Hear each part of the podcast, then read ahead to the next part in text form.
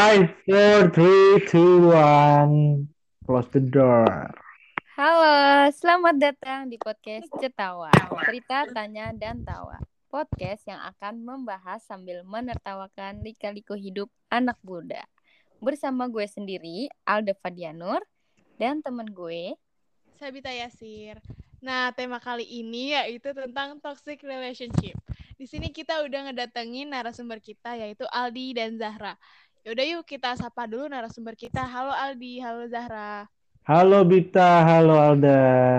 Halo, Bita dan Alda. Gimana nih sebagai korban dan pelaku toxic relationship mau kita wawancarain? Nah, secara ini kan topik yang begitu sensitif ya di kehidupan kalian. Siapa tahu nanti tiba-tiba nostalgia gitu. Coba deh dari Aldi dulu gimana?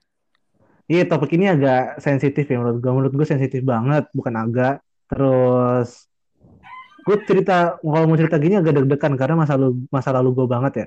Kalau dikata nostalgia, gue kayaknya nggak bakal nostalgia. Kalau Zara gimana? Eh, kalau gue alhamdulillah biasa aja sih karena ya gue udah move on.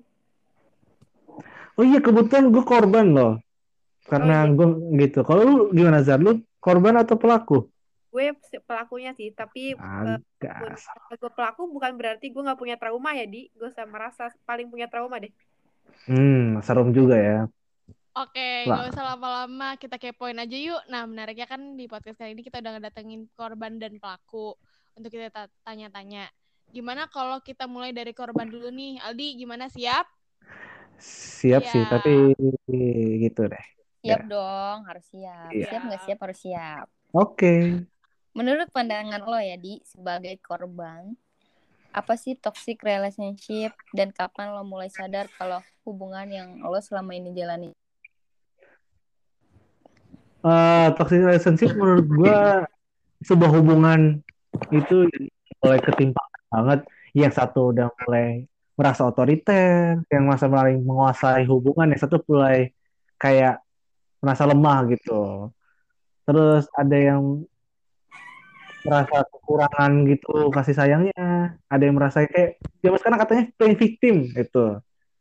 Kalau gue sadar kalau di gue ya, kenapa gue sadar toxic relationship di hubungan gue karena gue ngasih apa aja apa pun itulah ke cewek gue, tapi gue nggak merasa dikasih balik gitu, feedbacknya nggak ada. Jadi percuma gue ngasih apa yang gue kasih, tapi nggak dikasih balik, capain diri aja gitu. Kalau lu gimana Zar? Kalau menurut gue toxic relationship itu udah pasti ya hubungan yang tidak sehat gitu. Jadi hubungan itu cuma satu arah, yang satu merasa tersakiti, yang satu tidak sadar kalau dia disakiti. Jadi eh, hubungan yang merugikan satu sama lain sih sebenarnya. Merugi pastinya ya. Wah, menarik juga ya. Ternyata di dalam hubungan ada pihak yang merasa dirugikan. Sekarang kita tanya ke Zara ya, Zar. Lo sebagai pelaku toksiknya nih, perilaku apa aja sih yang lo lakuin? Oke, perilaku apa aja yang gue lakuin ke mantan gue ya? Satu, gue tuh ngasih silent treatment. Apa sih silent treatment itu? Silent treatment adalah saat eh, gue tuh berekspektasi ke mantan gue kalau misalnya dia ngerti perasaan gue. Contohnya, misalnya gue lagi bete gitu, terus dia tanya, kamu kenapa gitu? Kok bete banget? Gue jawabnya dengan ketus, nggak apa-apa gitu. Ketikan cewek kayaknya GPP sama Y doang ya. Iya. Kalau lagi nggak mood ya. Yang kedua adalah gue tidak eh, memberikan kepercayaan penuh kepada gue minta password Instagramnya bahkan gue tahu password emailnya dia. Teleponnya kayak gitu. Dan yang ketiga eh mung- tidak dan gue juga eh, memanipulasi dia sih itu kayak gue eh, gue sengaja bikin dia marah kayak gitu. Gue sengaja lagi kangen gue bikin dia bete gitu Hmm. Jam Zara ini ya memanipulatif itu yang terakhir tuh gue agak ih serem anjir. Nah guys, ternyata seperti hal-hal kecil yang biasa dilakukan terutama cewek ya. Cuman ngomong nggak apa-apa, itu sebenarnya tuh cewek ingin lebih diperhatikan gitu loh guys. Tapi nyatanya cowok itu sebenarnya dia nggak peka. Nggak peka jadi cuman apa sih salahnya ngomong langsung gitu Betul, tanpa disadari itu sebenarnya sudah memasuki hubungan yang toksik. Baik, gue mau nanya oleh eh, kepada Zara nih. Zar, kenapa orang bisa jadi toksik? Kenapa orang bisa jadi dalam hubungan. Iya. Kalau gue, kenapa gue bisa jadi toxic? Pertama, gue insecure.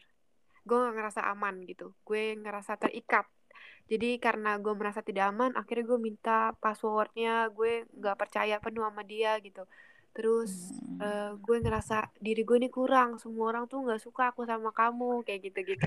Terus yang kedua, eh, yang kedua eh, faktor keluarga juga gitu mungkin dia mungkin dia punya trauma di keluarganya gitu akhirnya dia menjadi eh, jadi akhirnya dia eh, memanipulasi pasangannya dan dia mendominasi itu adalah bentuk dari defense traumanya dia mungkin itu sih kalau gue terus itu sih kalau gue karena trauma dan rasa insecure dan ekspektasi yang lebih ke pasangan ya dan yang akhirnya tidak tercapai gitu Hmm. Kayaknya yang lebih parah tadi kata Zara itu apa namanya setiap orang tuh pasti punya imajinatif ya, punya ekspektasi yang tinggi pada pasangan. iya sebenarnya punya ekspektasi itu eh, hal yang dilakuin sama semua orang ya tapi kalau misalnya dia sangat berharap dan dia tidak mengkomunikasikan apa yang dia inginkan itu jadi toxic sih Iya, gue bener kalau misal kata ekspektasi itu gue kata Presiden kedua Indonesia Soeharto kan. Dia pernah ngomong, jangan pernah menyalahkan orang lain karena mengecewakanmu. Salahkan dirimu karena berharap terlalu banyak terhadap mereka. Bener nggak, Zer? oh iya bener banget kata Bitolip juga gitu ya di eh, satu-satunya hal yang paling aku sesali adalah terlalu percaya kepada manusia Itu. Betul. Oke, gue mau nanya deh ke salah satu dari kalian. Kenapa ada orang yang sulit untuk keluar dari toxic relationship? Padahal itu hubungannya itu toxic gitu. Kenapa mereka sulit untuk keluar? Gua dulu, Zer, atau gimana? Eh, lu dulu kali kan lu korban Eh, kenapa sulit untuk dari toxic? Gue pernah. Yang paling intinya itu sulit banget keluar adalah sayang, bucin. Karena lu dulu di zaman gua, kenapa gue susah keluar? Karena gue masa sayang aja, bucin. Ya udah, gue lakuin aja apa yang gue harus gua lakuin, biar apa aja ya udahlah, gue ikutin kata dia aja lah. Mau dia marah bete, gue ikutin gitu. Intinya bucin sih. Kalau kesulitnya itu bucin aja sama pasangan. Kalau udah sayang susah lah semuanya. Oke, kalau menurut gue ya di eh, gini, orang kalau ini menurut dari pandangan mantan gue ya, yang gue ambil gitu, dan dia juga pernah bilang ke gue, eh, kadang orang yang ada di eh, jadi korban itu justru hal-hal yang dilakuin pelaku, hal-hal jahat eh, itu korban nganggapnya sebagai rasa kasih sayang, walaupun kekerasan fisik ya. Kayak contoh kita pas kecil nih, kita diomelin mama kita, terus kita bakal Iya kan mama marah karena dia perhatian, karena dia sayang kayak gitu sih contohnya. Jadi saat eh, gue inget banget dulu gue bete, terus gue bilang ke dia, tapi kan aku bete mulu gitu. Emang kamu nggak nggak eh, emang kamu nyaman gitu. Terus dia bilang, iya kan kamu bete karena kamu sayang kayak gitu. Itu sih yang bikin sulit keluar. Aduh, seru aja Zara ini. Itu sih kalau dari gua sama Zara ya. Gitu aja. Oh iya ya, bagus sih. Kayak jangan sebenarnya sih jangan bucin ya, karena itu susah banget keluarnya dari toxic relationship. Gue mau nanya lagi deh. eh, apakah toxic relationship itu bisa diperbaiki apa enggak? Kalau Zara dulu deh, Zara dulu. Kalau misalnya sebagai gue pelaku yang diputusin karena gue toksik, gue berharap banget itu bisa. Walaupun jawabannya sebenarnya tergantung orang ya. Kalau misalnya pelakunya ini sudah sadar, dia ini toksik dan dia punya niatan mau berubah secara serius, bukannya serius, eh, bukan bentuk dari manipulasi, mungkin bisa diperbaiki asalkan eh, pasangannya ini kuat menjadi caregiver-nya si pasangan yang toksik gitu. Tapi Hmm. Udah dilakukan berkali-kali dan ternyata berubahnya cuma omongan, ya udah itu lebih baik dilepasin aja. Jawabannya tergantung. Mau aja ya. Sebenarnya gue bingung sama Zara, mau aja ya nerima kesempatan dua kali ya. Kan pelakunya. Benar ya. Aldi gimana kalau Aldi? Gue gue jawaban gue berbeda 180 derajat sama kenapa sama jawabannya yang tadi ya. Kan awalnya gue bucin banget nih karena gue susah keluar karena itu adalah salah satu alasan gue. Kalau sekarang udah berubah pikiran aja, maksudnya berbanding terbalik karena nggak bisa diperbaikin sih. Kalau gue udah kata aja lah. Kalau emang udah nggak penting dan udah nggak worth it lagi bagi gue, terutama kan sayangi diri sendiri dulu sebelum menyayangi orang lain. Itu gue dapat pikiran dari situ. Mending gue langsung kata aja lah. Bener banget Aldi. Nah, bener banget guys. Jadi sebenarnya dari kesimpulan ini misalnya toxic relationship itu bisa diperbaiki kalau misalnya masih ringan. Yang nggak fatal-fatal banget. Tapi kalau yang udah fatal banget dan dia mengulanginya, ngulangi terus dan menerus, itu sebaiknya kita harus mengudahinya. Karena kalau kita misalnya masih menahannya terus, itu jatuhnya kita hanya wasting time, menyakiti diri sendiri.